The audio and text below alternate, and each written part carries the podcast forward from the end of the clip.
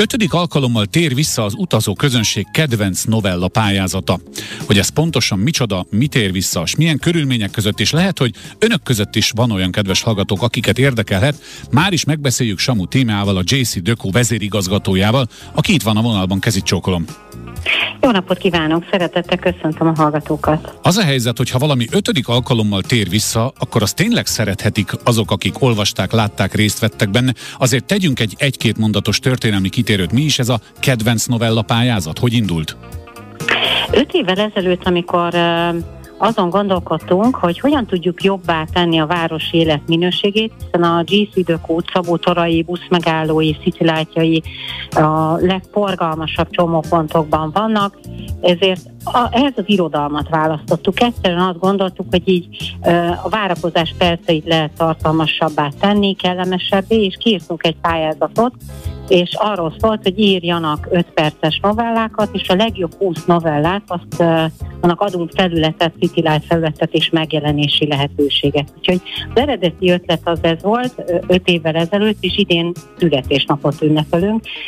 Így a, mondhatom azt, hogy a GC Dokónak fontos missziója lett, és azzá vált, hogy közelebb vigyük a művészetet az emberekhez, és ezért büszkék is vagyunk arra, hogy most már ötödik éve biztosítunk helyet a nyert nyertes alkotos, alkotásoknak a publikálásához. Számtalan rejtett tehetség került elő egyébként az elmúlt öt évben, úgyhogy idén is nagy izgalommal várjuk, hogy milyen novellák fognak érkezni. Épp ezt akartam kérdezni. Egyrészt, hogy látható-e mondjuk a jelentkezők számából a fejlődés, vagy nagyjából minden évben ugyanannyi van, illetőleg tudunk-e olyas valakit mondani, aki azóta magasabb szintre lépett, mondjuk hála annak, hogy egy buszmegállóban olvashattuk a novelláját? Uh-huh. Az álljon meg egy novellára népszerűségét szerintem jól érzékeltetheti, vagy érzékelteti azt, hogy az eddig évek során összesen 13.800 novella érkezett az a pályázatra, úgyhogy ez egy nagyon-nagyon nagy szám, nagyon magas szám.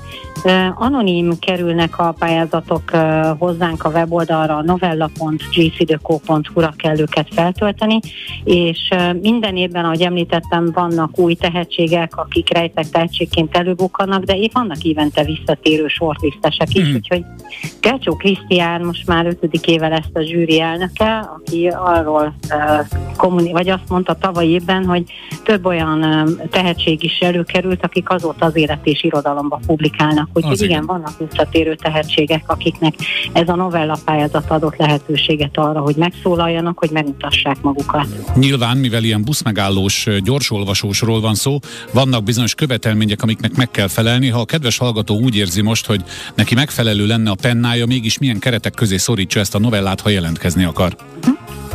Minimum 3000, maximum 4000 karakter, vagy 3600, bocsánat, és maximum 4000 leütés terjedelmű a novella pályázat.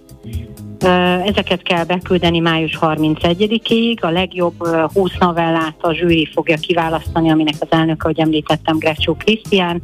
Zsűri tagja lesz még Vecsei H. Miklós színművész és a Magyar Telekom részéről Szabó Melinda, aki a vezérigazgató, kereskedelmi vezérigazgató helyettes, és jó magam és idén még meg... Uh, Megfejelik ezt valamivel, netán?